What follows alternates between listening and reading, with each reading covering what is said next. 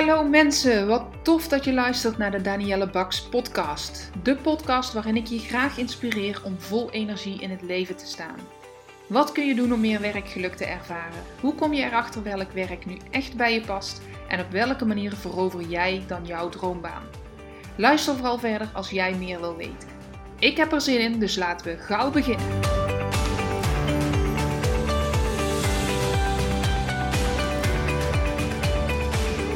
Deze podcast een eh, gast en een oude bekende van de show, Sandra van der Burgt, HSP-coach. En mensen die al eerdere podcasts hebben geluisterd, podcast nummer 34, als ik me niet vergis, uh, is Sandra ook in te horen. Daarin hebben we het over HSP, HSP, H6 en uh, ja, dat in combinatie met werk. Een podcastaflevering die heel goed geluisterd is. En dat maakte dat wij uh, nogmaals contact hadden. En dat Sandra eigenlijk zei: Goh, ik heb nu een onderwerp waar we ook zeker uh, over in gesprek zouden moeten gaan. En ja, Sandra, ik kan jou misschien beter zelf laten vertellen waar het over gaat en waarom dat het zo belangrijk is dat wij hier nog een podcast over opnemen. Ja, de podcast waar we het vandaag over gaan hebben is Rejection Sensitivity, afwijzingsgevoeligheid heel veel hoogsensitieve personen die hebben hier last van. Vaak ook zonder dat ze het zelf in de gaten hebben. Het is ook niet echt al een term die al heel erg eh, bekend is. Nee. Um, maar uh, hoogsensitieve personen hebben vanuit nature al de neiging om heel empathisch te zijn en zich in te voelen in een ander en het voor een ander goed te doen. Mm um, maar wanneer dat echt doorslaat in het echt extreem goed willen doen voor een ander, aan de verwachtingen willen voldoen, pleasen, je anders voor te doen dan dat je eigenlijk bent, ja, dan wordt het echt een belemmering. En dan, heb je, dan is er sprake van rejection sensitivity. Oké. En ik ben er eigenlijk van overtuigd dat iedereen even belangrijk en even waardevol is. En heel veel hoogsensitieve personen hebben de indruk dat ze niet waardevol zijn of niet belangrijk en stellen een ander voor zichzelf, waardoor ze zichzelf eigenlijk vergeten. En dan gaat het echt ten koste van je energie en van je levensvreugde. Hmm, heel interessant. Ja, ja, zeker, ja. Sandra, voordat we verder gaan, misschien zijn er ook mensen die deze podcast voor de eerste keer luisteren.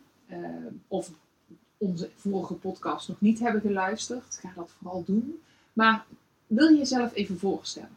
Ja, zeker.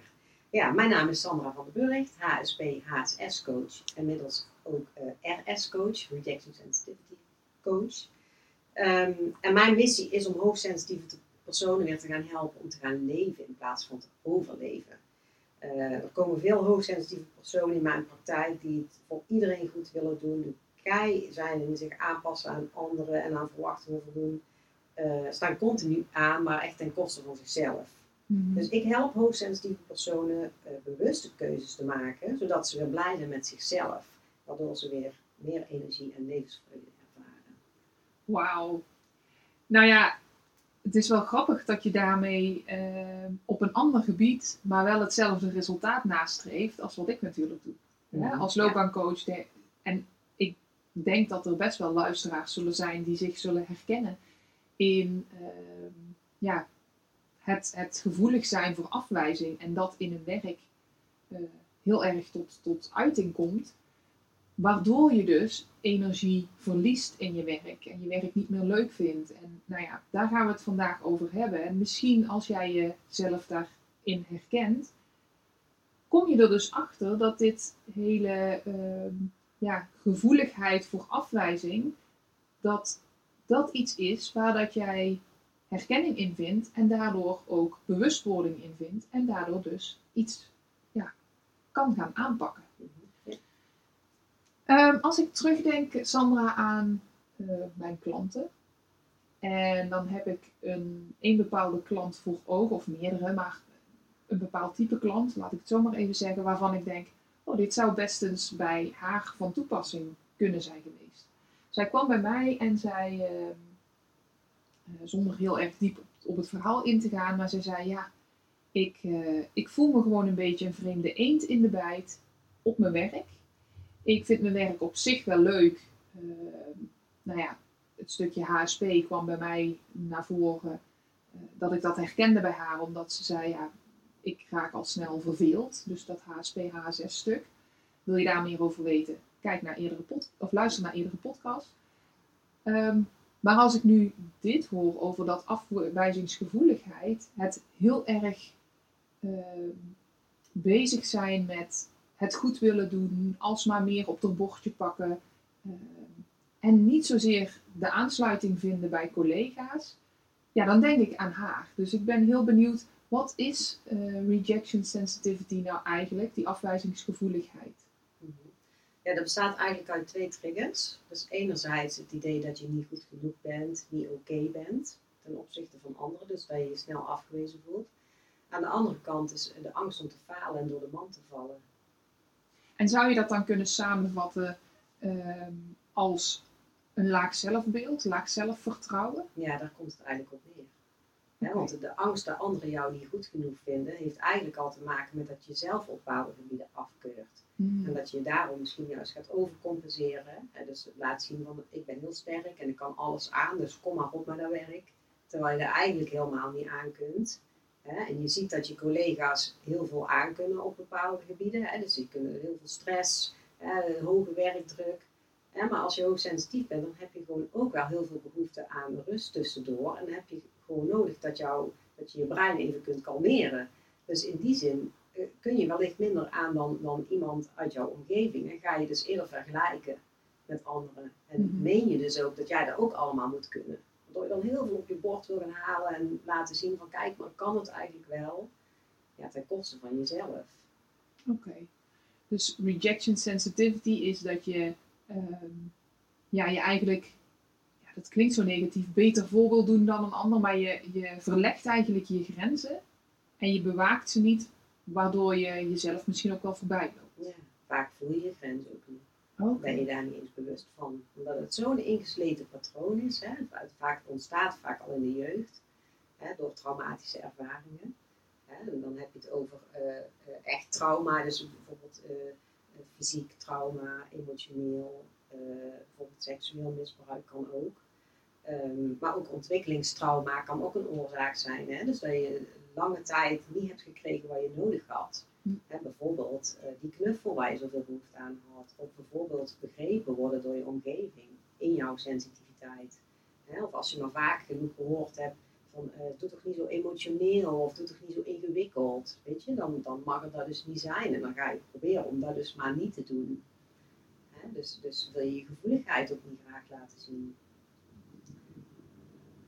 Oké. En ehm, even voor mijn beeldvorming, hoe linkt dat dan met HSP? Dus die rejection sensitivity, is dat iets wat iedereen heeft of iedereen kan hebben? Of is dat iets wat ook nog linkt met het HSP-stuk? Nou, ehm, rejection sensitivity is geen kenmerk van hoogsensitiviteit, maar het hoogsensitieve brein versterkt dit wel. Oké. Dus eh, Dus je zou kunnen zeggen, iedereen kan gevoelig zijn voor afwijzing, want Ja. dat herken ik bij veel mensen. Ja. Ehm, maar het hoeft niet, het, het is zo dat je als HSP'er daar nog eens extra gevoelig voor bent. dan kun je er dus extra gevoelig voor zijn, omdat jouw brein dat versterkt. Ah, En dat heeft onder andere te maken met een groot empathisch vermogen. Hè. Je kunt je heel goed inleven in een ander en je vindt het heel belangrijk dat een ander zich goed voelt. Hè, dus daar probeer je dan ook aan te voldoen. Hè, dus aan die verwachtingen voldoen, zit er sowieso van nature al wel Mhm. wat in.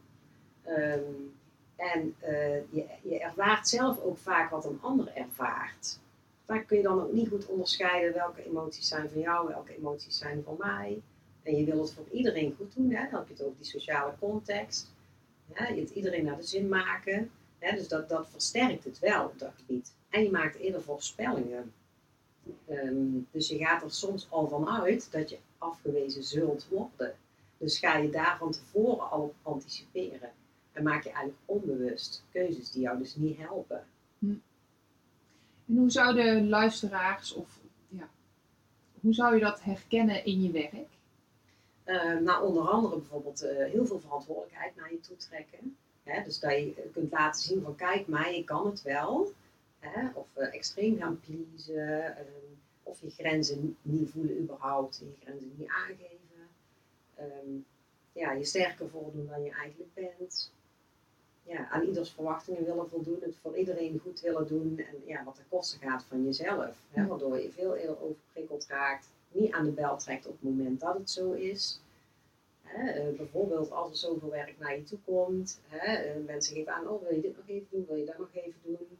En je durft eigenlijk niet te zeggen, ja maar ik ben al overprikkeld, ik, ik kan het nou niet aan. Hè? Of, hè, waarin je bijvoorbeeld makkelijk zou kunnen zeggen, ehm, nou goh, ik, ik heb nu dit werk al liggen, hè, om goede kwaliteit te kunnen leveren. Zouden we misschien kunnen kijken of we het werk kunnen verdelen, of dat iets misschien tot morgen kan wachten, et cetera. Dat, dat zou een, een bewuste keuze zijn die je helpt. Hm. Hè, maar als je het toch allemaal naar je toe trekt en je doet het allemaal maar, ja, dan raak je gewoon mega overprikkeld. Met het gevolg dat je uitgeblust thuis komt en dus ook niet meer kunt doen waar je plezier in hebt of waar je energie van krijgt. En dan kom je dus echt in de overlevingsstand. Eigenlijk ook omdat je continu aanstaat, omdat je continu gefocust bent op gevaar. Van gaan mensen mij mogelijk afwijzen?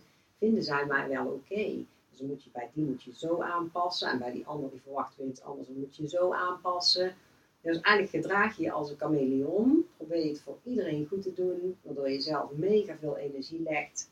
En eigenlijk ook niet meer dus de energie voelt om keuzes te maken voor jezelf waar jij blij van wordt. Waar je gepassioneerd over bent of enthousiast over raakt.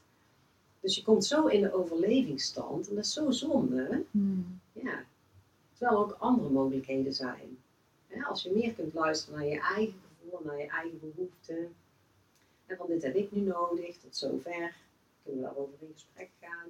Hè, en je houdt nog voldoende energie over om thuis ook die dingen te doen waar je blij van wordt. Ja, dan hebben we het ergens over. Dan kom je weer in die stand van, ja, we gaan ook leven en dingen doen waar je blij van wordt. Dan kom je meer in de balans ook. Ja, precies. Dus zeker ook als je een high sensation seeker bent en je hebt zoveel behoefte aan, eh, aan ervaringen waar je dus, ja, intense ervaringen, laat ik het zo zeggen.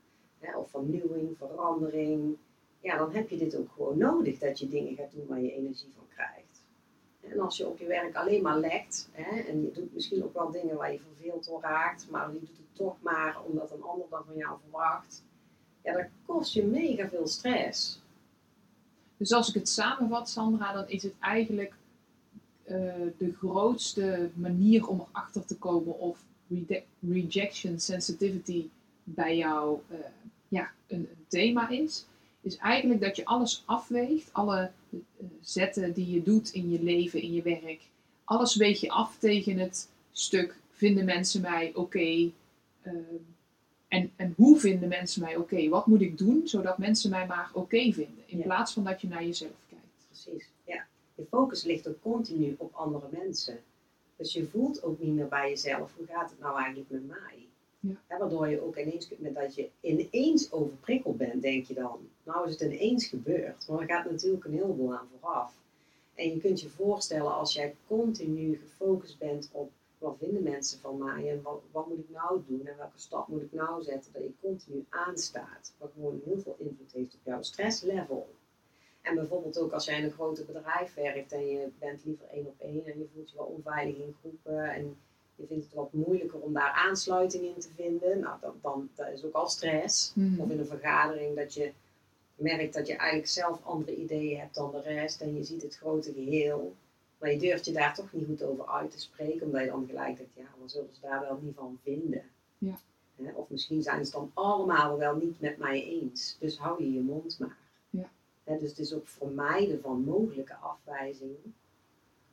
Hè. En wat, wat, wat ook vaak speelt, is dat je bijvoorbeeld in een ruimte komt en iemand, je merkt dat iemand niet lekker in zijn vel zit, of die is een beetje chagrijnig, of die kijkt een beetje nors, zodat je gelijk al denkt, wat heb ik verkeerd gedaan? Hmm. Dat je het meteen al op jezelf betrekt, terwijl diegene misschien wel gewoon heel slecht heeft geslapen, of ruzie heeft gehad met zijn partner, of weet jij veel. Maar heel veel betrek je dan op jezelf van, oh, ik zal het wel niet goed hebben gedaan. Daar ga je eigenlijk al vanuit. Het zijn mooie voorbeelden van hoe mensen dat dus in hun werk kunnen herkennen. Ja, ja. En je zegt, net zei je het al kort, hè, er kan trauma kan daaronder liggen. Ja. Kun je daar nog iets meer over vertellen? Ehm, ja, wat ik al zei, je hebt twee soorten trauma's. Hè. Je hebt acuut trauma, hè, dus er zijn, dat er echt hele heftige dingen zijn gebeurd. Hè, dus op mentaal niveau, fysiek trauma, ehm, hè, of ernstige ziektes bijvoorbeeld. Of, eh, te maken gehad met overlijden of adoptie of scheiding, ehm, eh, waar misschien veel ruzie is geweest of waarin je jezelf helemaal niet op je plek voelde. Maar bijvoorbeeld ook ontwikkelingstrauma. En dat heeft eigenlijk meer te maken met het feit dat je langdurig niet hebt gekregen wat je nodig had. Dus, dus bijvoorbeeld die, die, die, die knuffel die je zo hard nodig had, of, of begrip in, in hoe jij bent. Of, ehm, ja, dat, dat kan eigenlijk van alles zijn. Hè, Of als je maar heel vaak hebt gehoord dat je iets niet goed hebt gedaan. Of maar heel vaak hebt gehoord dat je juist iets wel moet doen. Hè? Bijvoorbeeld als je heel lang eh, heel zorgzaam bent geweest voor je jongere zusje bijvoorbeeld. Ik noem maar iets. En daar werd, daar werd je juist in gewaardeerd van, oh wat goed dat je dat doet. Dan heb je het idee misschien dat je juist alleen als je zorgzaam bent, dat je dan oké bent. Maar als je dan een keer voor jezelf kiest, of een keer niks wil doen, of een keer wil ontspannen, dat je het gevoel hebt dat dat niet mag. Dat je daarop wordt afgewezen. Dus het kan tweeledig zijn. Enerzijds iets wat je absoluut niet wilt zijn, waar je niet mee wilt associëren. Bijvoorbeeld met eh, egoïsme, dat hoor ik vaak eh, bij mij in de praktijk ook. Dat mensen absoluut niet iets willen laten zien, maar ook maar neigt naar egoïsme. Dus dan gaan ze dan kost wat kost vermijden. Ehm, eh, of dominantie bijvoorbeeld. Mhm. Terwijl aan de andere kant ze juist heel erg eh, gaan overcompenseren in de dingen waar ze in gewaardeerd zijn. Dus daar extreem veel laten zien, extreem zorgzaam bijvoorbeeld. Dus dat is ook mensen juist dingen uit de handen willen nemen als iemand verdriet heeft of pijn, dat ze dat juist voor de ander willen gaan oplossen en daar helemaal induiken. Hè? Maar dat is natuurlijk, dan krijg je weer dat reddersgedrag. Mhm. Dat is, dat is ook weer ongezond. Ja. Want de ander moet ook kunnen leren hoe dat hij zijn eigen problemen moet oplossen. En als jij alles maar uit de handen neemt, kost jezelf enorm veel energie, maar daar leert de ander ook niks van. Interessant zeg. En als ik dit nu allemaal hoor, en ik weet natuurlijk, je hebt eh, volgende week een, eh, een masterclass waarin je heel uitgebreid stil gaat staan bij dit thema. Klopt, ja. Wat is nu, wanneer moeten mensen nu naar die masterclass ook gaan luisteren? Of wanneer, wanneer moeten ze aanhaken? Wat, wat, wat halen ze daaruit? Maar als je je enigszins herkent in wat ik net heb verteld, ja, dan zou ik je absoluut adviseren om te komen. Eh, in deze masterclass ga ik heel uitgebreid in op de oorzaken. Eh, hoe ontstaat er dan? En eh, sowieso wat het hoogsensitieve brein daar voor invloed op heeft. Daarnaast waarom het ook zo moeilijk is om daar uit te komen. Ja. En, en welke oplossingen er liggen om, om dit aan te pakken. Want je kunt absoluut hier heel veel aan doen en het is absoluut anders mogelijk. Ik heb er zelf heel lang heel erg veel last van gehad. Ehm, en ik weet nu dat het echt anders kan en dat je echt kunt kiezen om te gaan leven in plaats van overleven.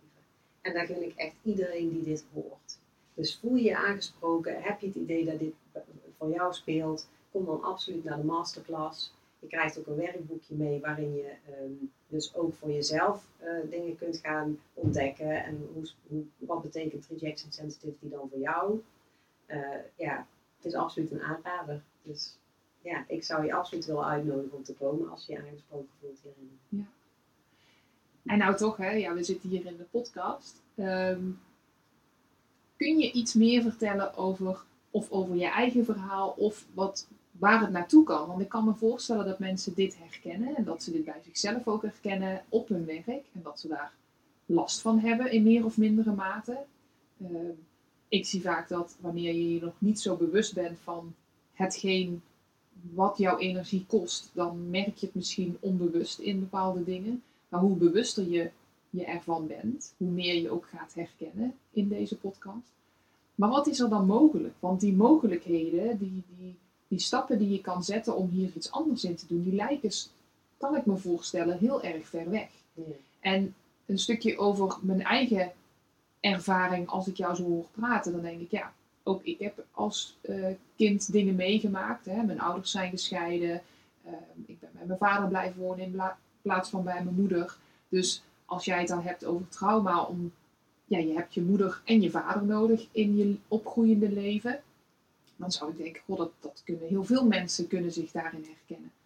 Ehm, ik kan me ook wel iets voorstellen, oh, dat, dat gevoeligheid voor afwijzing hebben we, hebben we, hè, heb ik ook herkend.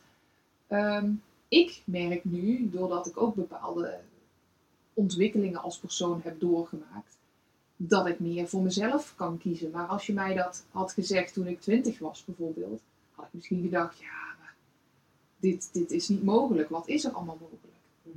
Het zou mij heel veel rust hebben gegeven als ik tegen mijn jongeren zelf kan zeggen, goh, weet je, het komt allemaal goed, want dit en dit en dit kun je doen om ja, meer geluk te gaan ervaren en meer zelf in control te gaan zijn. Kun je daar nog iets over vertellen? Ja. Eh, nou ja, met name bewustwording is echt stap 1. Dus inderdaad bewust worden van, nou ja, wat zijn mijn triggers? Hè? Op welke momenten word ik getriggerd? Welk gedrag laat ik daardoor zien en wat is het resultaat daarvan? Dus om daar echt mee aan de slag te gaan, om je gewoontes in kaart te brengen van, nou ja, dit, dit speelt er dus bij mij.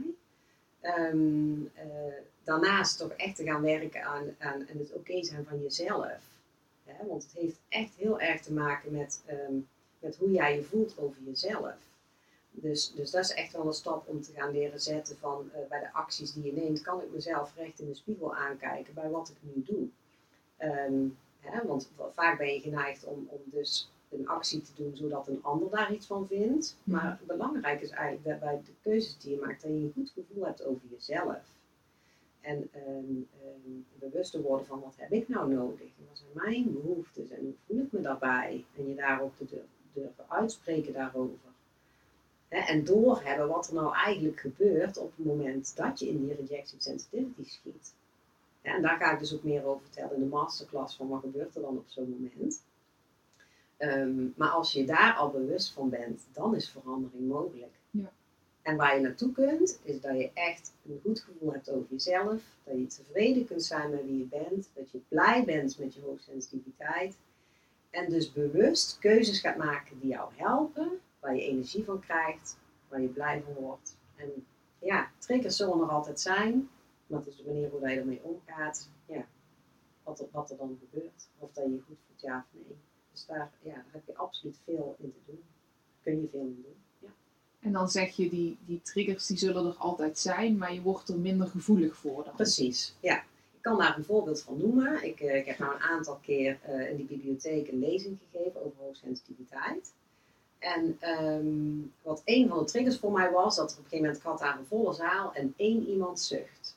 En die zucht die betekent voor mij, oh, ze vinden het niet interessant. Waarop ik me wel meteen bewust word van, hé, hey, dit is een trigger. Het is natuurlijk niet zo dat diegene als hij zucht het A, het misschien niet interessant vindt. B, misschien heeft hij wel buikpijn, zucht hij daarom. En het betekent C, al helemaal niet dat niemand het dan meer interessant vindt.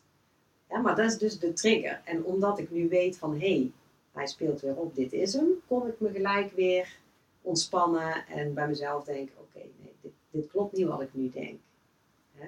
En, en daardoor kon ik door en was de avond gewoon weer geslaagd. Mooi. Mooi om ook je eigen ervaring erin te horen.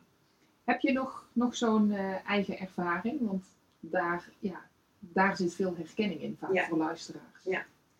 Eh, nou, bijvoorbeeld, eh, eh, ik ben, ik heb 14 jaar in de makelaarij gewerkt. En toen ik daar begon, toen heb ik daarmee een kantoor opgezet, de binnendienst opgezet. En ehm, ja, superleuk. En ik kreeg daar hele goede beoordelingen, niks aan de hand. Maar ik maakte daar wel eens een fout. En een voorbeeld daarvan is bijvoorbeeld, dan had ik een koopakte gemaakt en dan werd die gecheckt. En dan bleek dat er nog iets in aangepast moest worden. Dan paste ik daar aan, maar dan had ik het per ongeluk niet opgeslagen of zo. En dan printte ik eruit en dan kwam die onder de neus van de kopers. Samen met de makelaar. En dan bleek dat niet aangepast te zijn. Super vervelend natuurlijk. Maar op dat moment schoot ik daar zo van in de stress. Dat ik dan, als ik naar huis reed, dacht ik ook, zie je wel, ik ben helemaal niet geschikt voor de werk. Ik kan het ook helemaal niet. En hoe kan het in godsnaam dat ik een fout heb gemaakt? Ik vond dat bizar, want fouten maken, dat paste niet in mijn vocabulaire zo, dat hoorde er gewoon niet bij. Dat was gewoon niet oké. Dus ging ik dan voor mezelf allerlei excuses zoeken van wat is er dan aan de hand? Is er iets mis met mijn thuissituatie of zit ik dan niet lekker in mijn vel, waardoor ik een fout maak? Waardoor ik voortaan zo bang was om dat verkeerd te doen, dat ik zelfs met kerstmis een keer terug ben gereden. Om te checken of ik die koopakte wel juist had uitgeprint. Hm. Dus zo aanstaan van doe ik het wel goed, terwijl daar gewoon verder nooit geen sprake van was. En toen ik op een gegeven moment een andere baan kreeg eh, en een collega een fout maakte en lachte haar eigen fouten en het gewoon weer herstelde en daar gewoon verantwoordelijkheid over nam, toen dacht ik, oh het is dus menselijk dat je een keer een fout kunt maken. Ja. Dat was een openbaring voor mij. Wat moet dat rust gegeven Oh. hebben, die openbaring? ja, zoveel. zoveel. Want het, het klinkt heel makkelijk, hè? Net zei je, ja, je leert om oké te zijn met jezelf. En dat is een resultaat van als je er maar in gaat duiken en als je maar, ik hoor je nou persoonlijk leiderschap neemt erover en eh, je gaat voor jezelf die, die gevoeligheid minderen, dan ga je weer oké zijn met jezelf. En dat Ja. klinkt heel makkelijk, maar ja, ik geloof dat je daar in de masterclass wel dingen over gaat delen. Zeker. Want eh, ja, dat is heel makkelijk gezegd. Dat zeg ik ook altijd. Ja, als je ander werk wil, dan ga je deze inzichten krijgen en dan weet je ook wat voor werk je moet gaan doen. Ja. Dat klinkt veel makkelijker dan dat het is. Maar eh, daar hebben mensen vaak gewoon hulp bij nodig en Zeker. ook een spiegel bij nodig. Ja.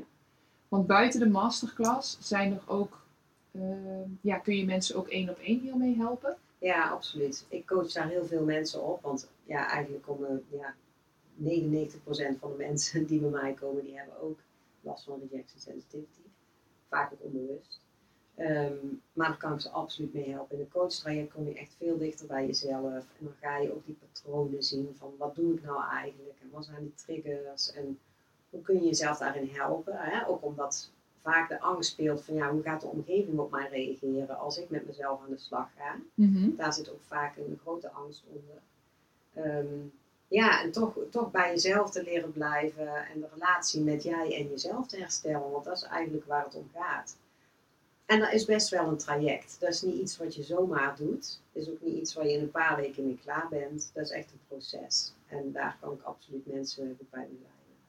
Ja, dat proces het proces. Ja. heeft natuurlijk alles te maken met je bent op een bepaalde leeftijd. Hè. Ik ben 38. Mhm. Eh, ik heb al 38 jaar. Ben ik al aan het werk aan de manier waarop ik over mezelf denk. Ja. En dat kan, eh, eh, ja, als, als ik daar, ik heb veel aan persoonlijke ontwikkeling gedaan, dan ben ik waarschijnlijk al een paar stappen vooruit. Maar mensen die niks aan persoonlijke ontwikkeling hebben gedaan, ja, die hebben al zoveel jaar datzelfde plaatje in stand gehouden. Dus Ja. dat, dat kun je niet verwachten dat dat binnen een paar weken voorbij is. Nee, precies. Nee, het is echt een traject waar je jezelf ook mag gunnen. En waarbij je jezelf ook mag gunnen dat je te maken krijgt met rotgevoelens. Die daar gewoon bij horen. En vaak willen we die gevoelens juist wegstoppen en onderdrukken. Om maar niet te hoeven voelen. Hè, dus ga je vaak in de piekerstand en continu in je denken jezelf verliezen. Ehm, maar het is een stukje spanning toestaan. En jezelf die rotgevoelens toestaan die daarbij komen kijken. Om echt te kunnen groeien en, en wat meer fundament voor je Nu kan ik me ook voorstellen dat er mensen luisteren en dat er wel ergens al iets begint eh, van herkenning begint op te spelen. Stel dat je nu hier dit de eerste keer is dat je over rejection sensitivity hoort, dat je misschien niet eens heel bekend bent met de term HSP, dat je toevallig deze podcast luistert. Ehm, wat is een eerste stap om, om die herkenning, om te weten gaat het bij mij nu om rejection sensitivity? Heb ik daarmee te maken?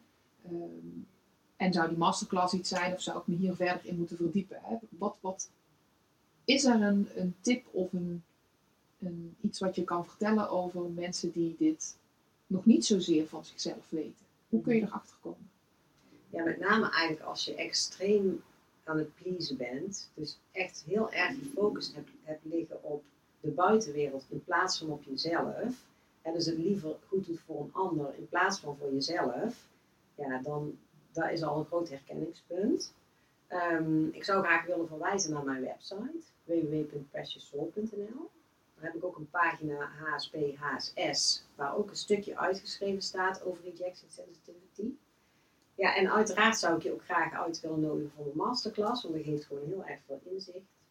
Ehm, ja, en daarnaast zou je ook mijn gratis e-book kunnen downloaden. Ehm, daar staat in ieder geval ook informatie op over HSP, HSS. staat ook een HSP, HSS test in. Ehm, ja, en neem gerust contact op als je meer wil weten. Gratis kennismakingsgesprek kan uiteraard ook altijd. Die test, dat was voor mij de trigger dat ik dacht, hmm, misschien herken ik toch wel meer van dat HSP-stuk dan, eh, dan dat ik ooit dacht. Mhm. En dat was vooral dat HSP-HSS-stuk. de uitdaging en de afwisseling en eh, onder- en overprikkeld raken tegelijkertijd. Eh, toen ben ik me zo verder in gaan verdiepen en toen dacht ik, oh, dit eh, niet zozeer dat ik mezelf nu HSP'er noem, of, maar voor mij was het al helpend de kleine dingetjes van eh, bewustwording en van herkenning. Dat ik dacht, ah, dit is dus niet iets heel geks. Ja. En ik snap nu waarom dat, dat ik dit heb. En ook nu dit stukje eh, rejection sensitivity, denk oh, al een aantal jaren geleden herkende ik dat al veel meer dan dat ik het nu op dit moment in mijn leven herken. Ja. Dus ehm, Nou, en dat is ook vaak dat je het ook kunt herleiden. Hè. Dat had ik zelf ook, eh, toen ik met deze term in aanraking kwam. Hè, toen ik ging terugkijken naar mijn leven, van hoe dat is gelopen en welk gedrag ik dan liet zien. Ja, toen herkende ik mezelf daar 100% in. En, en dat was ook wel heel erg fijn, dat er zoveel kwartjes vallen van, oh ja, dit heb ik dus, dit betekent het voor mij, dit is de oorzaak. En ik ben niet alleen. Ja. Want heel veel mensen ervaren dit. Echt 50% van de HSP, HSS'ers, ehm, ja, die hebben te maken met rejection sensitivity. Ja. Dus je bent er zeker niet alleen in. En dat is gewoon ook al heel erg fijn om te weten. zeker, dat is fijn om te weten. Ehm, want als je denkt, ik ben de enige, dan ben je apart. En dan, dan denk je, het ligt aan mij. Maar het ligt dus niet aan jou. En ehm, wat ik meteen bedenk is, op het moment dat ik weet waar het vandaan komt, weet ik dus ook, oh, ik kan hier opnieuw een keuze in maken. Absoluut. Ik hoef dit niet te blijven doen. En natuurlijk, als jij al twintig jaar of, of tien jaar in hetzelfde bedrijf rondloopt en je gaat in één keer alles over een hele andere boeg gooien, dan zul je misschien wel met mensen in gesprek komen van, hé, hey, wat is er met jou eh, gebeurd? Want je bent anders aan het doen. En dan nog, hè, dat hoeft geen probleem te zijn. Ehm, maar je kunt wel opnieuw keuzes maken. Je kunt denken op het moment dat iets aan je gevraagd wordt, ja, ik ga dit wel doen of nee. Op dit moment ga ik eens proberen om te zeggen, nou, ik, mijn agenda is eigenlijk al vol. Heb je ook nog iemand anders aan wie je het kan vragen? Of die hele kleine stapjes die je daarin kan zetten, dat, eh, dat zal al helpen. Ja, Dat is wel waardevol om eh, te horen. Dus ja, interessant die masterclass. Ik, eh, misschien moet ik ook maar gewoon komen, Sandra. Ja, leuk. Ik ben hartstikke welkom. Ik geloof dat we hier ook ja, nog heel lang over door kunnen praten. Ehm, dat gaan we nu niet doen, misschien een andere keer. Ik eh, wil je heel veel succes wensen met je masterclass. Dankjewel. En eh, ja, super gaaf om te zien hoe dat ook jij weer steeds nieuwe eh, thema's met me bespreekbaar maakt waar mensen zich in in hun loopbaan. Dankjewel daarvoor. Dankjewel.